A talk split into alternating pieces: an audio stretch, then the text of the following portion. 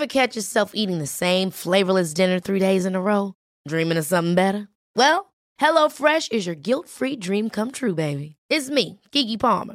Let's wake up those taste buds with hot, juicy pecan-crusted chicken or garlic butter shrimp scampi. Mm.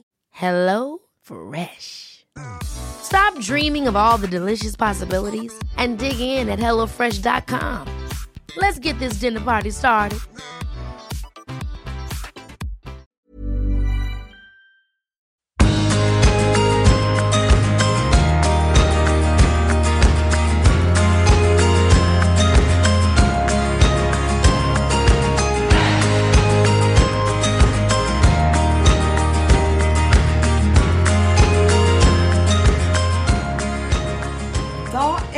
Direkte inn ifra hula mi, og hjertelig velkommen til Du er unik-podden. Jeg er Unni, og i dag så har jeg fått besøk av verdens søteste Camilla Hager.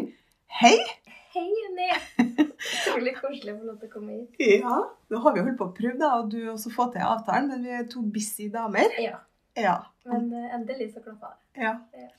Og um, når jeg da stalker deg, da, så står det tekstforfatter, forfatter, foredragsholder, så gift og har to små gutter på to og fem år.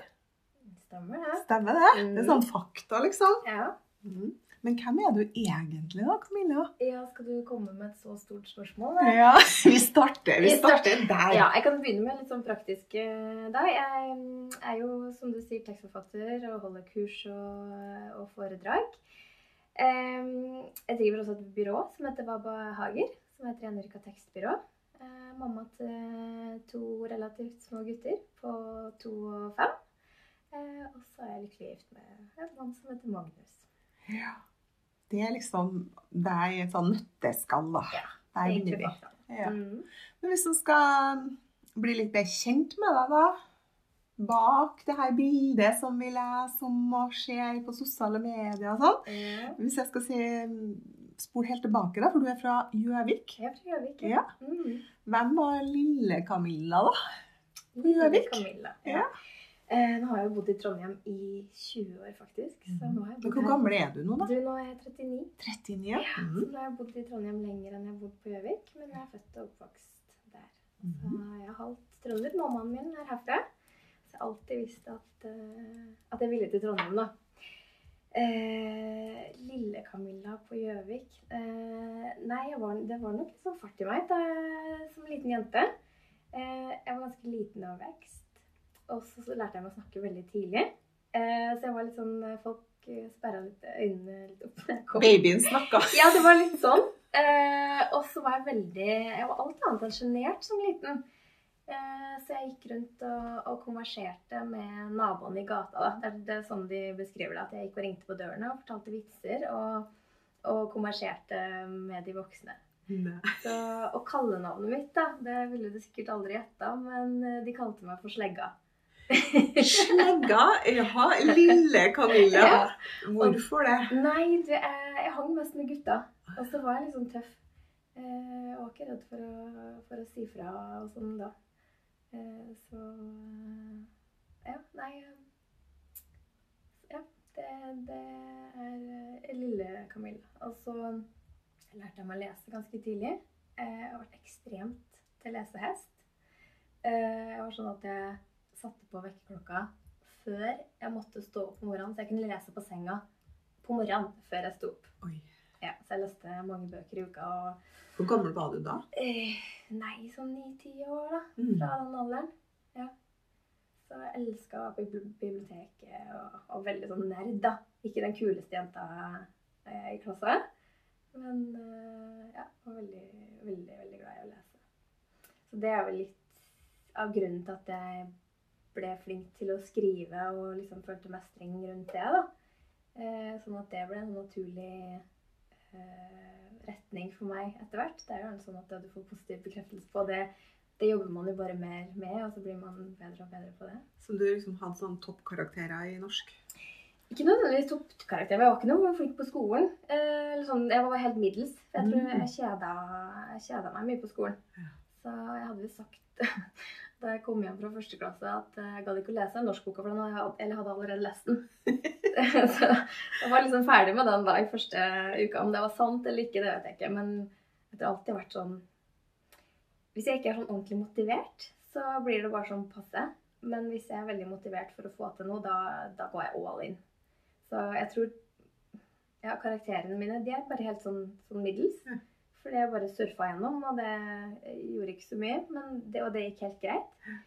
Sånn på videregående så var det veldig mange som hadde klare mål om at jeg skal inn på det og det studiet, og trenger de de karakterene. Men jeg visste ikke helt hva jeg skulle, så da hadde jeg ikke noe konkret å jobbe mot. Og da ble det litt sånn ja, helt greit. Men det var norsk jeg var best i. Ja, det var det. Jeg regner med det. det var sånn både muntlig og skriftlig, og du elska å prate og liten. Jeg så for meg lille jenta som gikk og ringte på døra. Ja, faktisk så er det litt eh, Jeg ble- veldig sjenert på et tidspunkt. Sånn Ja. på, på utover barneskolen ungdomsskolen og videregående synes jeg det var det å rekke opp hånda og si noe var dødsskummelt. Ok, Så da ble det Eh. stilt. Ja, Så rart. ja. Litt, eh, litt rart. Så Ja. det er på en måte mamma som har minna meg på at du var faktisk ganske utadvendt og tøff da du var liten. Ja, Eh, Så jeg har vel funnet mer tilbake til det i voksen alder, da. ja. Men eh, jeg husker meg selv som veldig, veldig sjenert. Ja. Innadvendt er jeg fortsatt. Eh, Men jeg kan lett ta på meg den utadvendt-hatten. Jeg kan godt gå på arrangement og mingle og prate med folk og holde et foredrag og sånn. Det, det gjør meg ingenting. Men da trenger jeg også lade etterpå. Ja. Mm. Men eh, på Gjøvik, da, eh, hadde du noen søsken i Ja. Mm, jeg er um, dritten i midten. Er du det? Jeg har en storebror som er to år eldre, og en lillesøster som er eh, ja, tre og et halvt år yngre. Så Mhm. jeg er vel sånn klassisk eh, mellomstebarn som er veldig sånn diplomatisk og mm, går godt overens med de fleste og finner løsninger. Adept. Ja, ja. Begge veiene. ja I adapt. Ja. Uh, Ja. så, Ja. Mm. Ja, det er mye sånn eh, angående mm, ja, teorier om eh, hvor du er født hen i søskenflokken, Ja. og hvordan personlighet ja, du ja, er og sånn. Ja, ja, Men jeg tror den her i midten er vant til å liksom til, tilpasse seg litt. Ja, ja, ja. Roper høyest dem, nummer én og tre. Så han er gift med han er også mellomstebarn. Ja. Og vi krangler jo aldri. Vi finner jo alle bare Vi blir jo alltid enige. Så, Ja, så det er veldig det er noe i det der. Det er, Ja. I hvert fall hos oss, da. Ja. Mm. Og da, eh, Du sa at du bodde på Gjøvik til du var 19 år. Mhm. Og da gikk du videregående ut der, da. Mhm. Og så Trondheim, eller? Eh, ja, ja, da jeg egentlig Da var jeg fed up med skolen, da. Ja. så da tenkte jeg da jeg ikke ante hva jeg skulle studere. Jeg var helt sånn. Så da tok jeg et år og jobba på klesbutikk på Gjøvik. På Og Gjøvik. syntes at det var helt, eh, helt fint. Tenk, tenke litt og Eh, mens alle venninnene mine de, de skulle videre. da, De skulle inn på studiet, men jeg var, ikke- jeg var ikke helt klar med en gang.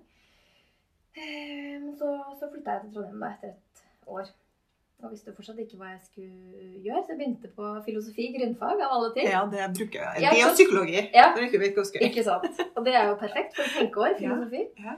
Så jeg gikk vel et halvt år, og så hoppa jeg over til pedagogikk. Fordi det hadde en del venninner som hadde gått, begynt på lærerskolen året før meg. da, Som hadde, hadde flytta det året før meg. Ja. Så, eh, og de fikk det til å virke så morsomt da, å gå på lærerskolen. Uh, og jeg visste jo ikke helt hva jeg skulle, så jeg tenkte ja, det kan det, eh, ja. Når jeg ser tilbake, så tenker jeg hva i alle dager var det jeg tenkte på?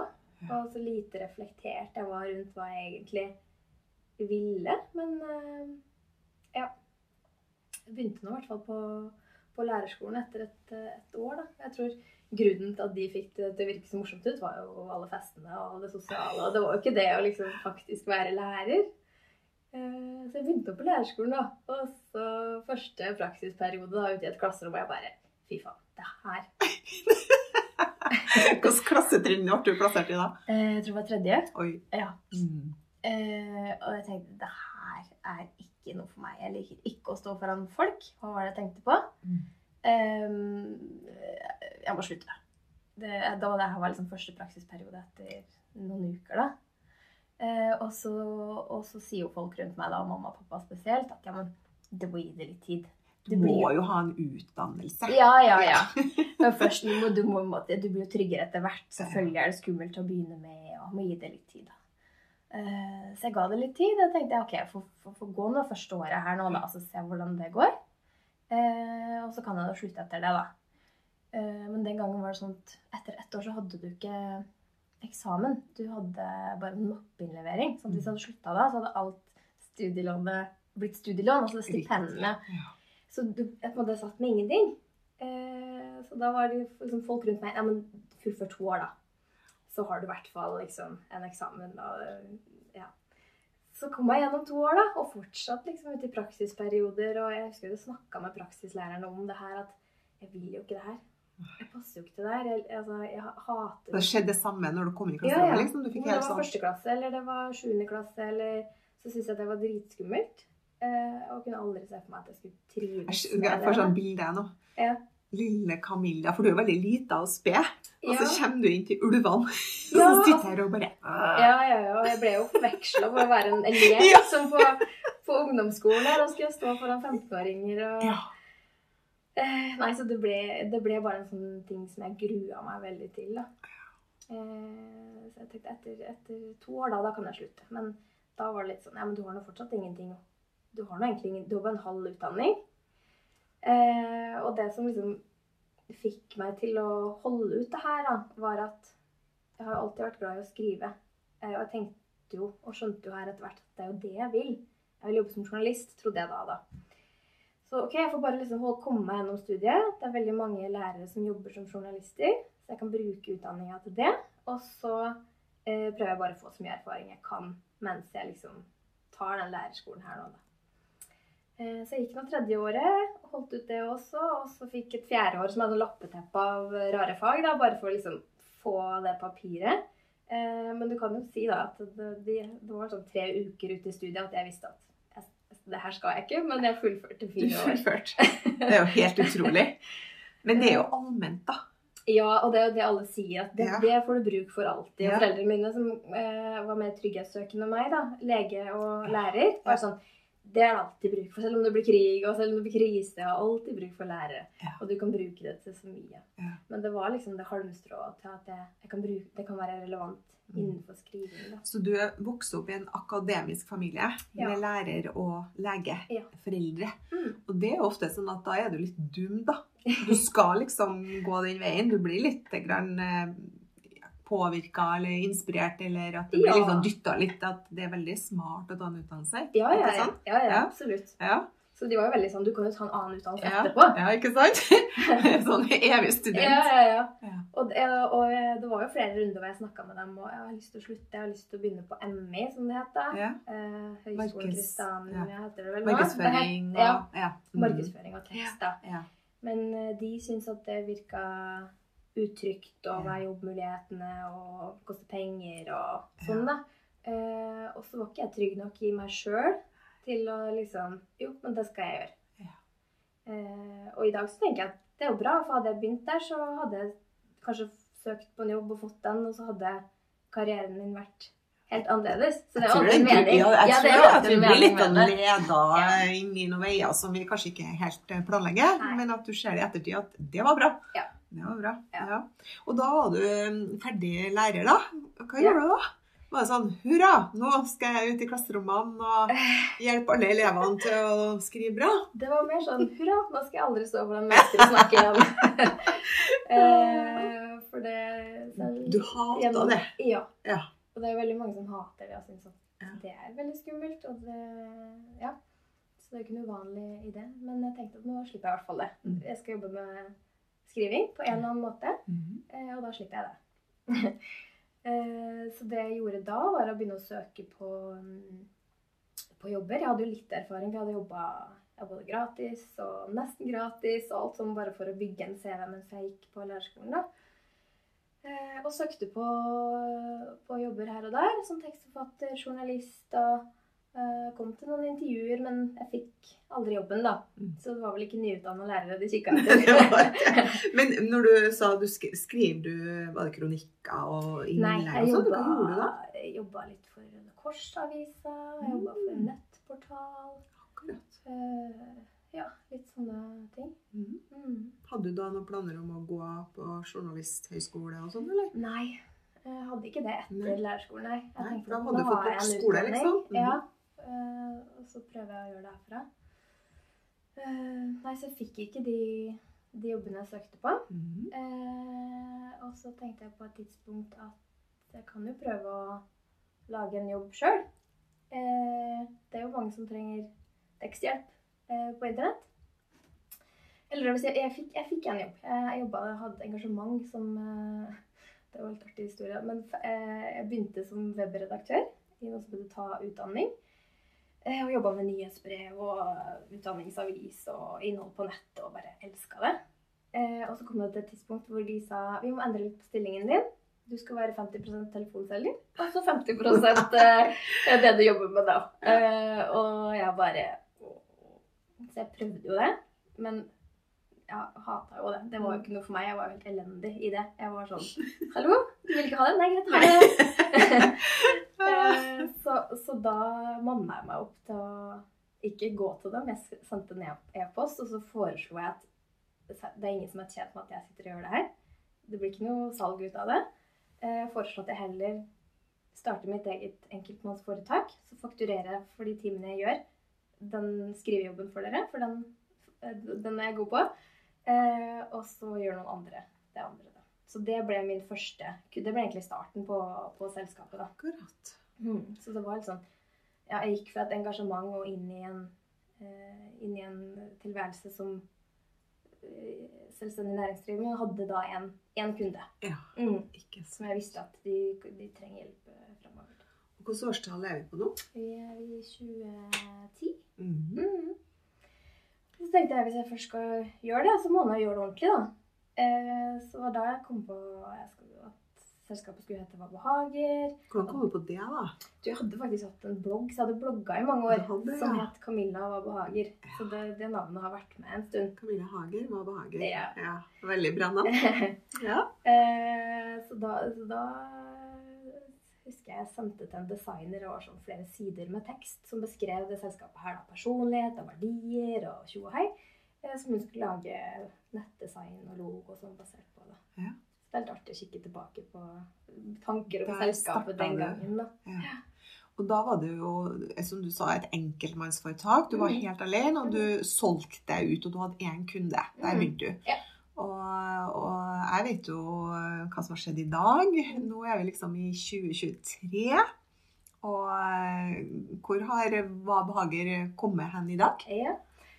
Eh, Nei, det har skjedd mye siden da. For det, det, det dukka jo opp mange kunder som bare fant meg på internett. Eh, Så det viste seg at det var jo veldig mange som trengte hjelp med det jeg eh, kunne gjøre. Eh, Så på et tidspunkt så sa regnskapsføreren min at jeg tror nå kan du starte et AS.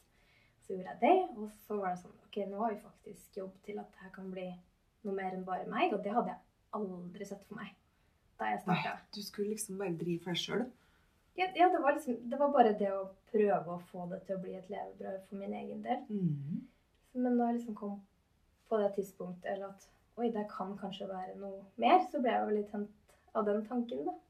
Men på den tida, Camilla, sånn Mm. 2010, og hvor vanlig var det at tekstforfattere altså Når starta det her å leie seg en tekstforfatter, Mm. tenker jeg? Eh, På sosiale medier og Ja. internett og Altså, det var jo absolutt ikke så vanlig da som Nei. det er nå, så det har vært en veldig positiv du var litt sånn banebryter, har jeg en forståelse for. At du Ja, så det kom jo folk til meg da som sa at du er den eneste som driver med dette på internett. Ikke altså sant? fri finner. Ja. Og det er jo ikke tilfellet i dag. Så det har jo skjedd veldig mye. Altså innholdsmarkedsføring, ingen som snakka om det Nei. da.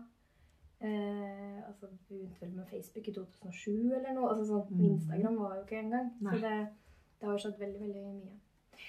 Nei, så det eh, har jo vært to skritt frem og ett tilbake, og noen ganger omvendt eh, her, da. Men bare for å ta en lang historie kort, så er vi jo i dag eh, syv mennesker. Ja. Mm.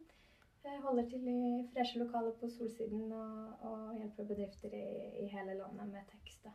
Ja. Så det hadde jeg ikke sett for meg den gangen jeg Det var liksom ikke i drømmeboka Nei, di, det var ikke det. Så det har dukka opp eh, etter hvert, da. Ja. Mm. Hva tror du som har gjort eh, suksessen deres?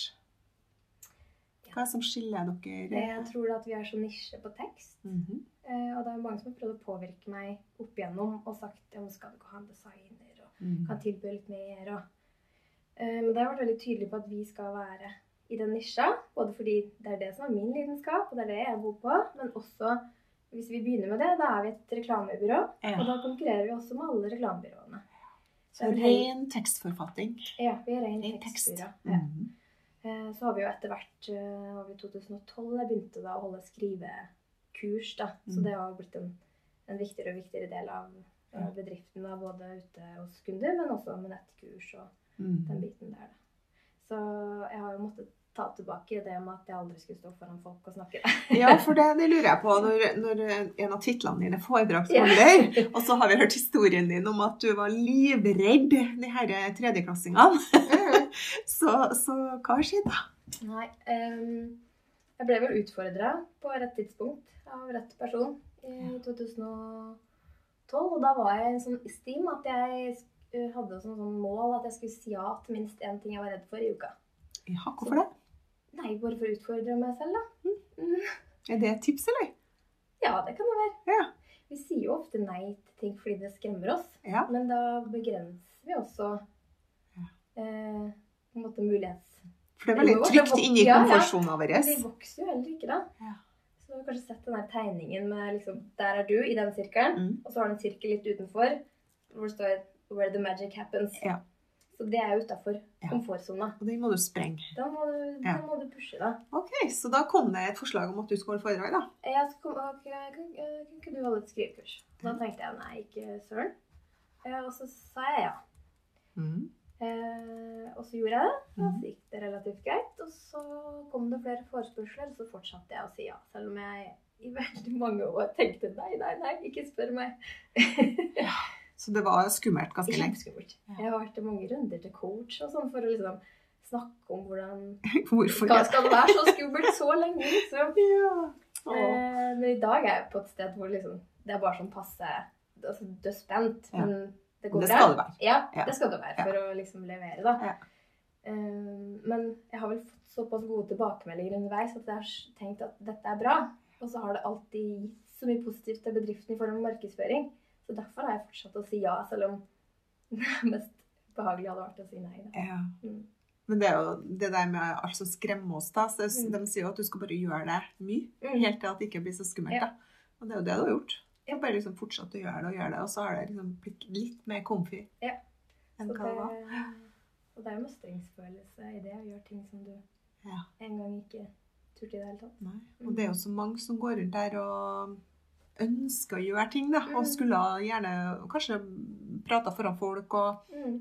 Så tipset er vel bare å gjøre det. Og det, jeg leste en gang at folk vil heller dø enn å stå foran en stor forsamling. Ja, det står så høyt på Ja. skrekklista. Ja, enn det. Ja. Og jeg er jo den som elsker det, Mm. så jeg er jo helt i andre enden. Ja. Jeg er bare som finner en scene. Men bra folk er så forskjellige. Ja, det er det. Ja. Det er det. Jeg syns det blir sånn veldig kjedelig da. Så, og det, det her hvis en skal ha et skrivekurs, da, hvem er det? Åh, det er eh, ofte så er det sånn eh, næringshage, eller klynger med bedrifter som arrangerer kurs. Eh, Så det kan være en samling av markedsførere hos ulike bedrifter. Det kan være liksom internt i en eiendomsmegler kan være, eller en bank, eller et rekrutteringsbyrå, eller det kan være Er det dem som skriver sine egne tekster, f.eks. du sier eiendomsmeglere, Mm. som da skal selge en leilighet, hus, så skal Ja. de lære seg å formulere seg så bra at det, den leiligheten blir solgt med en gang? Ja. Er det sånn? Ehm, ja, jeg har hatt egne kurs for eiendomsmeglere som handler om akkurat de der beskrivelsene av boligene. Da. Ja. Mm. Men hvorfor skal de lære det når de kan leie deg isteden, da? Er det sånn at de Må gjøre det litt sjølhjulpne, da. Nei, altså de har jo ikke budsjetter til å leie inn en tekstforfatter hver gang de skal legge ut en stilling. Nei. Men det å lære hvordan de kan bli noen knapp bedre sjøl, er jo Og så er det på de her store sakene at eh, de leier deg, da. At eh, Ja. nå firmaet liksom Det her er viktig for oss, nå må vi ha hjelp. Ja. Og da kan du liksom inn og si her er et forslag til tekst. da. Ja.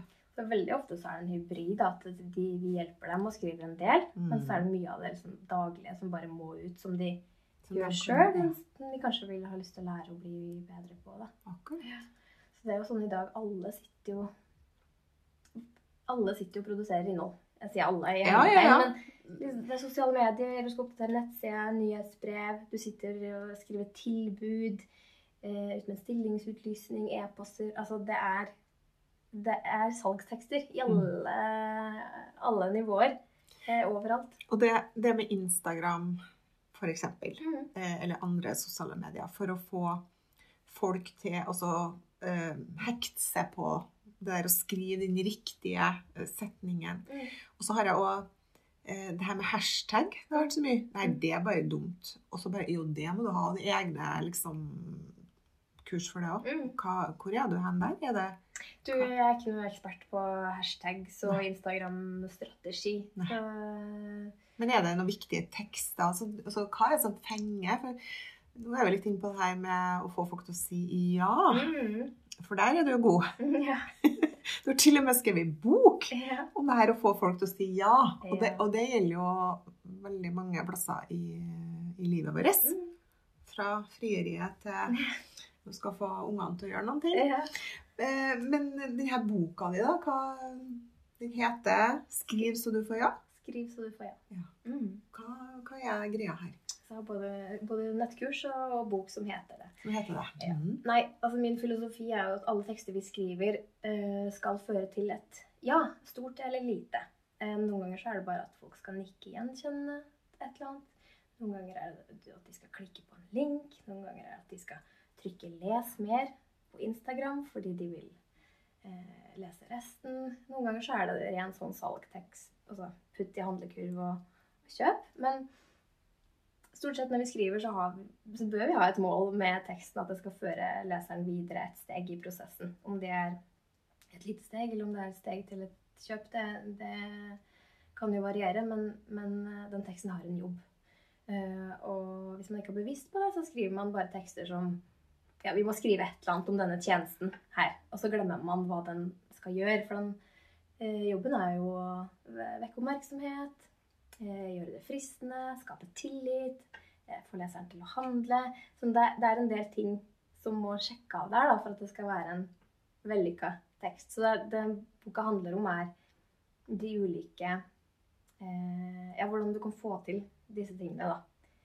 Eh, fange oppmerksomhet med tekst.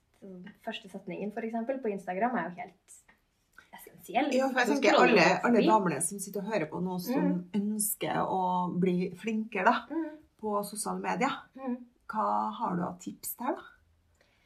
Jeg har plenty av tips, eh, men kanskje det viktigste delen av teksten er jo den første setningen. Eh, og det er ikke alle som er så bevisst på det. Og så bruker man første setning på å snakke seg litt varm, eller liksom det er sånn bomull før man kommer til poenget. Så være ekstra bevisst på hva er disse første ordene. Hooke opp eh, Ja, for det Mhm. må få folk til å si ja, jeg vil lese mer, og trykke les mm. mer. Fordi, Eksempel. Eh, eksempel det kan være Er du dritlei av å stå opp 05.15 med toåringen? For det gjør du. ja, og da, og da Gjenkjenning. Gjenkjenning. Da treffer du de menneskene som kjenner seg igjen i det. Så Ja. er det mange andre som ikke kjenner seg igjen, men de er kanskje ikke målgruppa for akkurat Nei. det. Så det kan være én. Det finnes jo mange sånne stoppeffekter. Så, så, så det du sier da, eh, hvis jeg skulle ha eh, solgt noe til hun mora som har små barn, så ville det ha vært en bra hook, da. Mm. Så, så vi- jeg må tenke, vi må tenke at eh, hva treffer målgruppa, dem jeg vil ha tak i, med Mm. det innlegget her, da, Mm. Det er det du sier. Og det ligger jo ofte i bunnen for all god kommunikasjon å vite hvem man skriver til. Mm. Og der mange feiler der, er at man ikke vet helt, eller man ikke tør å spisse seg. Og så blir det et veldig sånn vagt, generell budskap hvor man prøver å treffe alle. Mm. Og så ender man opp med at ingen egentlig er interessert. Ja. ja. Så alltid tenk liksom hva det de trenger å høre, kontra hva er det jeg vil si. Mm. Hva vil de høre, og hva vil jeg si? Oppnå? Ja. Etter hvert òg?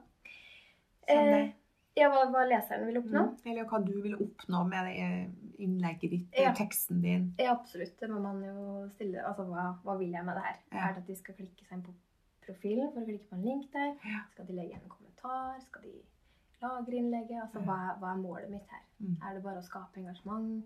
Mm. Eh, ja, så det å, vite hva man vil, hvem man skriver til, og hva de trenger å høre. For det er jo gjerne når vi opplever gjenkjenning og tenker at oi, her Unni skjønner hva jeg står i her. Ja. Da, først da blir jeg interessert når det oppleves relevant for meg. Så er det mange måter å gjøre det på, men det kan jo være f.eks. å pirke et problem. da. Minne om at det er slitsomt å stå opp klokka fem om morgenen. Ja. Eh, og da vil jo en eventuell løsning, hvis det er det du kommer med, være mer attraktiv eller mer interessant fordi du har blitt påminnet hva som var Så problemet. spørsmål er veldig bra å starte med. Ja. Det er en av Treffende. mange teknikker. Ja. Mm. Akkurat. Og den boka her, da. eh, Hva, hva er det du Jeg har jo ikke lest den ennå, men det skal jeg jo gjøre. Det skal jeg jo sørge for å gjøre veldig fort. Eh, Hva er det den eh, gir deg, den boka der? Mm. Som, meg som en person som ja, ønsker å bli bedre på sosiale medier, f.eks. Ja. den er jo full av veldig konkrete teknikker og enkle grep som gjør at du kan skrive bedre. Eh, det skal ofte ikke så mye til. Noen ganger kan det være å erstatte ett ord med et annet, og så har teksten en helt annen eh, virkning. Eh, så det handler om hvordan du skriver til målgruppa di. Det handler om hvordan du kan skrive mer levende, så det ikke blir sånn flat og kjedelig, noe som ChatGPT kunne ha skrevet men mer sånn levende og personlig språk. Det handler om hvor, liksom, hvordan kan du skape tillit og vekke, skape tro, troverdighet. Eh, hvordan får du leseren til å handle da, når du har satt deg et mål og du vil at de skal klikke seg videre? Hvordan Mm. gjør du det for at de faktisk skal gjøre det? Så veldig sånn praktisk bok med masse eksempler da, på hvordan man, eh, man kan gjøre dette. Og i Andre eh, livssituasjoner, hva handler det her med å få et ja? Eh, Ja, altså Det er lett å tenke at det her handler om bare salg og markedsføring. Ja. Men vi skriver jo tekster som skal gi oss ja hele tiden. Om det er en e-post til sjefen for å be om mer lønn, eller er få, lang, få få lang helg, Ja. eh, eller du skal skrive en jobbsøknad, skal du lyse ut en stilling Det, det, det er salgstekster du vil få ja på. Ja. Um, så hvis man tenker dette, så sitter man hele tiden, om det bare er de daglige e-postene med en samarbeidspartner, eller det, det er salg og innsalg i så mye mer enn det vi, vi tenker på ved første, på det når vi først hører det. Eh, så jeg har jo fått e-poster fra mange som takker meg for at de har fått en ny jobb fordi de har brukt det de har lært uh, innenfor jobbsøknader. Selv om det ikke står noe om jobbsøknader i, i den boka, men de har bare tatt det i den, i den sjangeren. Da, så det er jo veldig artig. Så kan brukes til egentlig alt. Den, den er ganske allsidig. Er vi dårlige på språk i Norge? Eh, Jeg vet ikke hva, hva skal man sammenligne med? Jeg vet ikke. Nei. Det har, men du som er god i språk, sånn uh, ungdommen i dag, da, Mm. uh, som korter ned på alt og den skrivemåten og Hva tenker du om det? Er, Nei, hvordan går det med språket vårt? Mm, har ikke alltid voksne vært litt bekymra og syntes at ungdommen har vært litt uh, håpløs da? Kanskje det? Jeg tror man bare Språklige endringer skjer hele tiden uansett. Uh, så man får ikke gjort noe med det, på en måte. Eh, jeg er ikke veldig bekymra for at det skal gå ned noen og igjen. Men det er veldig spennende det som skjer med kunstig intelligens og, og skriving av tekster nå da, fremover. Hva betyr det? Nei, det er jo kommet en sånn um, tjeneste som heter ChatGPT, som uh, er bygd på kunstig intelligens, som skriver ganske så gode tekster eh, om alt du ber den om. Så det, hvis du ikke har prøvd det, så må du prøve det. For det er veldig Hva heter det, så? ChatGPT. Chat-GPT. Ja. Så ja, men hvis du ber den chat-roboten, er det det? Mm. Uh, skrive en tekst om uh, sola på jorda, så gjør den det?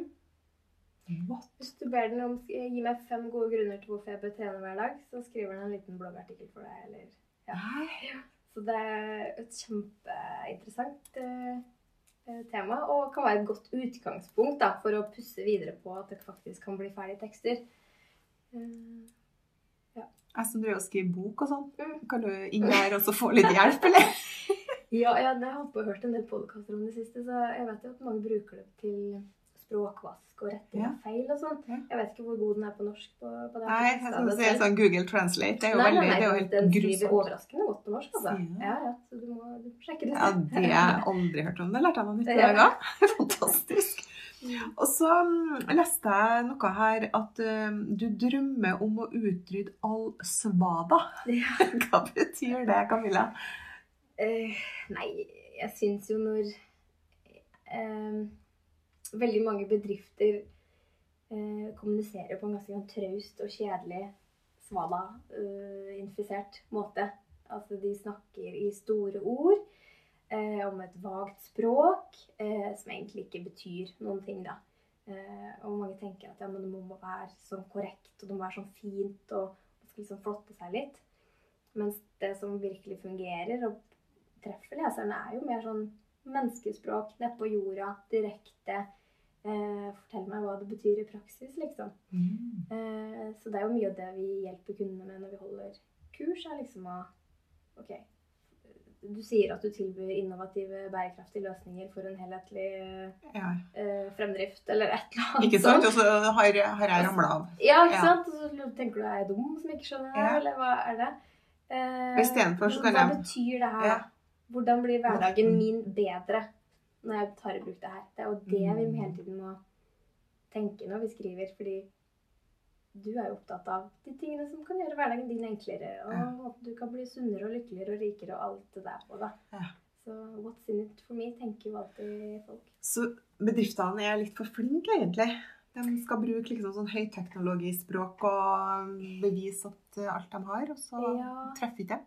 Ja, det er ofte det. Man prøver å si for mye, eller at det liksom eh, Jeg tror at det henger litt igjen fra skolegang og akademisk språk. Mm. At man liksom På et tidspunkt så skrev du for å imponere læreren. Du ville vise at du kunne de store, fine ordene og hadde lange setninger og Ja. sånne ting. Eh, og så har man ikke helt skjønt at det er kanskje det motsatte som gjelder i praksis i dag. Er hvis du Mm. virkelig vil Mer muntlig. Mer muntlig. Ja. Absolutt. Ja. Mm. Ja, det er spennende. Og um, det her, med, med språket når du, når du står og holder foredrag, og når du skal prate med folk òg, når du skal i en samtale og sånne ting, så har du noen tips til oss der, da? Er det, er det samme som gjelder der òg? I mun- muntlig samtale så gjør folk det mye mer naturlig. Ja. Når jeg snakker til deg, så, så, så snakker jeg jo til deg. Jeg sier ikke 'Dette er et fantastisk produkt for alle kvinner eh, Nei. over 40 år'. Altså, jeg, jeg, Mm. Ja. og da bruker du gjerne Du bruker et aktivt språk, du bruker, snakker direkte, du bruker enklere med muntlige ord. Så det er jo kanskje et av de beste triksene. Les det høyt. Ville du sagt det der til en venn? Ja. Eller til den personen du prøver å nå? Hvis ikke du vil ha det, så Så, Skriv så, nytt. så hvis du lager en tekst, så les det høyt som om du har personen på andre siden av bordet. Ja. Og det, ja, se for deg så bare sånn Dette ble jo bra teit. Ja, ikke sant. Det her ville jeg aldri sagt. Det her var svada. Nå ble jeg litt flau. Ja. For det der hørtes Ja. rart ut. Ja. Kunstig. Og det å liksom Istedenfor å si at målgruppa mi er damer mellom 40 og 50 som lever sånn og sånn, mm. så er det eh, Det er Unni som eh, har en hund og som er gift, og det er liksom Mm. eh, Se for deg en person du kjenner. Mm. Skriv til han eller henne. Mm. Og så er det et veldig godt verktøy for å, for å skrive enklere om mer, mer menneskespråk. Mm. Mm. Eh, jeg fikk høre en gang at uh, det her med igjen sosiale medier Mm. eh, At uh, vi scroller veldig fort. Vi, Mm. vi, det er ikke Hvor lang tid er det vi har på å fange oppmerksomhet? Sykt kort tid. Det er bare sånn brutt. ja. Ja. Og da, og da er jo det her første ordene så viktige, da. Tenker på TikTok. Har du noe, er det noe inn der? Har du Nei. Ikke aktiv eh, der. Men det er jo det samme som gjelder i alle sosiale medier. Det er å fange oppmerksomheten Fange raskt. Ja.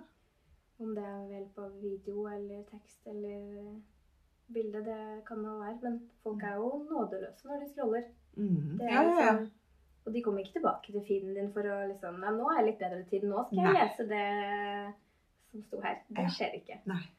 Så det er veldig viktig å tenke på Hva, man hva som får folk til å stoppe Ja. Og det er Ja, da er det jo gjerne hva, de, Mm. Hvordan kan du treffe dem i det de står i? da? Hva som er relevant for dem? lei av å. Ja, for eksempel. Og så bare ja. Ja. ja. Og hvis de tenker at oi, hun snakker om meg, Mhm.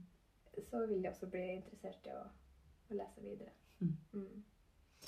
Interessant. Jeg Jeg gleder, lenge ja, jeg gleder meg til å lese denne boka, Camilla. Det må jeg si. For at eh, det her er jo, det er jo et fag. Og, men det at vi som jobber med tekster og folk og skal liksom være ute der, så er det jo noen små eh, tips å ta med seg. Mm. Som gjør at vi kanskje, som du sier, bare, det kan være bare noen få ord som snur. Mm. Og så bare Så virker det helt annerledes. Ja. Så det er enkle ting som alle, alle får til. Ikke sant? Mm. Gleder meg veldig. Eh, nå er altså fra lærerutdannelse til bedriftseier og eh, mamma og pappa, er de stolte, eller? De Eh, er ja. ikke bekymra lenger nå? Nei.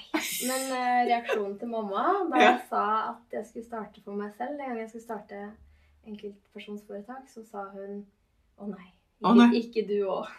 Å ja. For, uh... For da hadde storebror holdt på med sine gründerprosjekt i, i flere år uten å liksom knekke koden, da. Det har gått veldig bra med han i senere, ja. senere tid, da. Eh, men hun, det var nok det trygghetssøken i henne ja. som var bekymra på mine vegne. Ja. Så jeg lot meg heldigvis ikke stoppe av det, da. Det er bra. Mm. Og det, det er jo til alle dere som hører på, som går med dere Hva skal jeg si? Altså, du, du kommer du, Vi blir jo liksom sånn som vi blir oppdratt, sant? Ja? Og Mm. så blir du satt sånn Sånn skal det være, og du blir liksom lagt inn i den der løypa der. Og så er det noe som skurrer hele tida, som det gjorde til deg. Mm. Ja, ja, ikke etter tre uker så skurra det, og så gikk det Fire år. til. og så bare ble du lærer, men det er jo fantastisk. Og så, så, så tør du liksom å si at nei, nå, nå skal jeg starte et enkeltmannsforetak, og så skal vi se hvordan det her tar meg. Og, og det å gjøre det Og jeg vet ikke om du husker om du hadde noen drømmer eh, når du var i oppveksten og sånn? Gikk du og drømte om noe? Som barn og Ja. ungdom. Jeg tror jo altså sånn karrieremessig så har det vel vært det å på en eller annen måte jobbe, leve av å skrive, da. Om det har vært som journalist eller forfatter, det har vel kanskje variert litt, men det er vel det jeg kan huske at det har vært, ja. Mm. Så, er gjør, så jeg- gjør du det, liksom? Det, ja, det er jo der jeg burde ha Den veien jeg burde ha gått. Kanskje med det første, da, men eh, da hadde jeg jo fått en av de jobbene som jeg søkte på den gangen, og så hadde jo ikke Baba Hager blitt til. så- Nei, det er alltid en grunn for ting. Så, og så har du Du var jo ung da, du er jo 39 år bare. Så du er jo kjempeung ennå og har eh, masse foran deg. Og dere er sju i dag. Mm. Ikke bare, ikke bare Camilla, liksom. Og, Ja, det og, det, og det kommer til å bli mer og mer bruk for dere Mm. som tekstforfattere. Mm. Så det nei, her er kjempespennende. Og eh, jeg skal nå inn på den her chat-romanen. det har da jeg fått med meg veldig. Og så skal jeg lese denne boka di. Og så det her med å ha deg som foredragsholder òg. Det er teamet mitt da. Det må jo være kjempespennende Mm, mm. å lære å, å lage gode tekster som fenger, da. Ja, ja. Mm. Vi Mm. har noen egne kurs hvor vi snakker om sosiale medier, f.eks. Ja. Mm. Kjempespennende. Eh, til alle disse søstrene våre nå som hører på oss og tenker åh, jeg kjenner meg så godt igjen. Jeg jobber som lærer i dag. Mm. I hate it. Jeg har en drøm i magen, eh, men jeg har fast eh, lønn, og jeg har barn og sånt. Ja. Mm. Har du, hva tenker du når du vet det du vet i dag? Eh, altså, jeg er åpenbart glad for at jeg gjorde det jeg gjorde. Da hadde jeg jo ingenting å tape heller. Jeg hadde jo ikke fast jobb, det var et engasjement. Og og jeg hadde jo ikke barn. Og det, var liksom, det føltes ikke som noe stort offer å kaste seg ut i det Mm. den gangen. For Mm. det hadde jo ingenting å tape. Eh, men hvis man sitter på en måte og har mer ansvar, da, som man kanskje har etter Mm. hvert som man har huslån og barn og Ja. eh, sånne ting, så vil jeg kanskje anbefale at man begynner litt på si, og så ser om det om, For det første om det er noe man liker å jobbe med. Mm. Eh, om man klarer å få, få til noen betalte oppdrag på si, da. Eh, for det jeg tror hvis, hvis man bare starter med noe fordi man tror at det kan bli gode penger, men ikke har virkelig lidenskap for det, så Ja, da hadde jeg slutta i 2010, for å si det sånn. Da, hadde ikke Ja, det du sier, er så viktig. Ja. For det er sånn, hvis det er pengene som driver deg, ja, så blir det ikke noe suksess. Det er lidenskapen Ja. og veien. Ja. Og så kommer pengene. Eh, så det, det må det være. Det gjelder jo alt, Alt. liksom. Alt. Fordi det kommer jo til å være masse motbakker og Mm. skuffelser og sånn. Det er mange ganger jeg har bare tenkt orker jeg ikke mer. Eh, men så har jeg liksom funnet spiriten tilbake og liksom gått fortsatt, da. Eh, nei, så råd til alle dem som tenker eh, Hvis du skal, hvis du skal sånn generelt, da, beste tipset til medsøstrene da, mm, som hører på noe. Fra ditt ståsted? ja. eh, Når det gjelder alt? Alt. Alt. Alt. Alt. alt. Alt. Åh. Mm. Eh, Kollegaen min pleier å si at jeg er flink til å samle på flinke folk. Ja. Ja. Eh, og det kan være at jeg er. Eh, da jeg starta og bestemte meg for at Hva behager skulle at det skulle bli flere, ikke bare meg, så satte jeg ned et styre på fire personer pluss meg selv. Og noen tenker jo det hørtes litt overkill ut for et selskap som har én ansatt. Eh, men jeg tenkte her, nå skal jeg i gang med noe som jeg ikke kan selv. Så nå trenger jeg noen som er god på økonomi, jeg trenger noen som er god på avtale, jeg trenger noen som har bygd byrå før. Eh, Jeg trenger noen som er god på markedsføring. Eh, og så rett og slett satte ned et, et styre, da. Så du satte ned et styre med folk som var gode på det her Ja. ja, før liksom du før var min første ansatt. så smart? Ja. Eh, og seinere også så har jeg I dag så har jeg en som hjelper meg med masse som er knytta til HR og rekruttering og lederstøtte og mange ting som jeg syns er sånn åh, må jeg ta tak i det der? Han, han hjelper meg med det. Ja. Eh, og så skal vi Ja, det å ikke tenke at man skal få til alt sjøl, heller liksom bruk flinke folk til de tingene som er utenfor ditt felt. Fordi når man er gründer, så har man jo veldig mange hatt. Man gjør jo ekstremt mye. Mm. Eh, men det er vanskelig å komme videre hvis man skal gjøre absolutt alt sjøl. Ja. Så ja, samle på flinke folk, og ikke være redd for å spørre folk til råd. Så jeg har fått veldig, har fått veldig nyttige, billige råd over en kaffekopp opp igjennom. Ja. Eh, så de fleste er jo villige til å liksom ha lyst til å hjelpe andre. Og jeg også brenner jo for å hjelpe andre som starter for seg selv. Jeg syns det er så kult med andre som gjør det, så jeg deler jo gjerne mine Mm. eh, råd. Så tenker jeg da gir jeg litt tilbake til alle som har hjulpet meg på veien. For du kan jo holde på i evighet og prøve å finne ut av et eller annet som noen allerede har prøvd og feila, prøvd og feila og fått det til. Ja. Uh, og så kan gi deg hjelpe deg, så du slipper å gjøre akkurat de samme feilene. Eller gjøre det ja, det er jo kjempebra råd. For det er jo veldig mange damer nå som ønsker å starte for seg sjøl, har starta for seg sjøl, og så tror du at du skal være god på alt det her. Mm. Det å drive for seg sjøl, men Mm. vi er, jo, vi er jo ikke det. Så det å knytte til seg folk som er gode på de forskjellige bolkene, da, forskjellige Mm. avdelingene Mm. i, i firmaet ditt. Det var smart. Og så gjør det i veldig, veldig tidlig stadie. Og hvis du har holdt på nå en stund og har firma, så det er aldri for sent å gjøre det heller, da. Så hvis Nei, du knytter deg noen som er god på det, det du ikke er god på Det er Mm. alltid om å gjøre å finne folk som er flinkere enn deg, liksom, Mm. på en del ting. Og Det å ha noen å spare med det er kanskje vel så viktig når du er helt alene i oppstarten. Da, da sitter du nå alene og kokulerer med alle ideene og vet ikke helt hva du skal prioritere. og Ja. trenger noen å diskutere med. Så har du jo de her to guttene som er små, og du er oppe i femtida. Ja. Og det, det er jo det er tøft, da, i en periode. Men det er jo ikke noe Du, du har jo ikke Altså, jeg tenker i denne perioden med to små barn og karriere og Mm. alt det her Og du har en mann som gjør karriere òg, så det er to krevende stillinger. Og, eh, men det her eh, Du takler det? Det går fint? Ja, jeg syns egentlig det, ja. Med begge gutta så begynte jeg å jobbe igjen etter tre måneder. Mm Mhm. tre måneder full permisjon, og så begynte jeg å jobbe litt gradert. da. Så det har vært veldig riktig for meg. Da har liksom eh, to halve dager på jobb, og så resten hjemme med baby. Og så liksom gradvis trappe opp, da. Og det har passa veldig bra for min mann også, i hans situasjon. Um, så det har aldri vært sånn superlenge eh, helt borte fra bedriften. Så det, det, det har gått eh, bra. Jeg føler det er slitsomt da, i perioder når de er små og sover lite. og jeg har jo sittet noen ganger foran PC-skjermen og liksom ta deg sammen, fullføre den setningen, og så har jeg glemt hva jeg driver med, liksom. Ja. Men det, ja, jeg syns i det store og hele at det går ganske greit. Mm. Det er jo ingen unnskyldning, tenker jeg. Du får til det du vil. Ja. Mm. Så da, øh, det setter jo mer rammer, da, begrensninger, og det Mm. tror jeg det er bra ting, da. Før kunne jeg bare sitte ute og gå kvelden på kontoret, hadde jeg all verdens tid, liksom. Ja. Mens nå er det sånn cutoff. Nå må jeg springe i barnehagen. Mm. Eh, og så jobber ikke jeg mye kveld og helg i det hele tatt. Jeg Nei. prøver liksom Det tror jeg er bra. Ja. For vi, vi blir mer effektive når vi har mindre tid, Mm, alle sammen.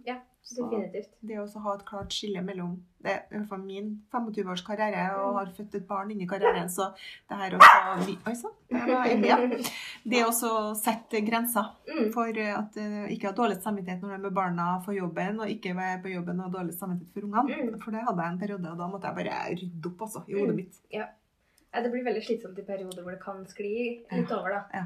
Da føler man seg litt skittig på begge Ja, fronter, og det er jo ingen tjent med. Men det er fullt mulig å gjøre karriere og bli både tekstforfatter og forfatter og foredragsholder med, med å bare ha gutsen som du har. Jeg syns du er råflink og beundrer jobben du har gjort, og gleder meg til å følge deg framover. Blir det flere bøker? Jeg har veldig lyst til å skrive flere bøker. Ja, det kommer det til å bli. Du må lage så du har en hel bok. Tusen hjertelig takk for at du kom i Du er unik-podden. Tusen takk for meg. Det var veldig hyggelig. Og aldri glem at du er.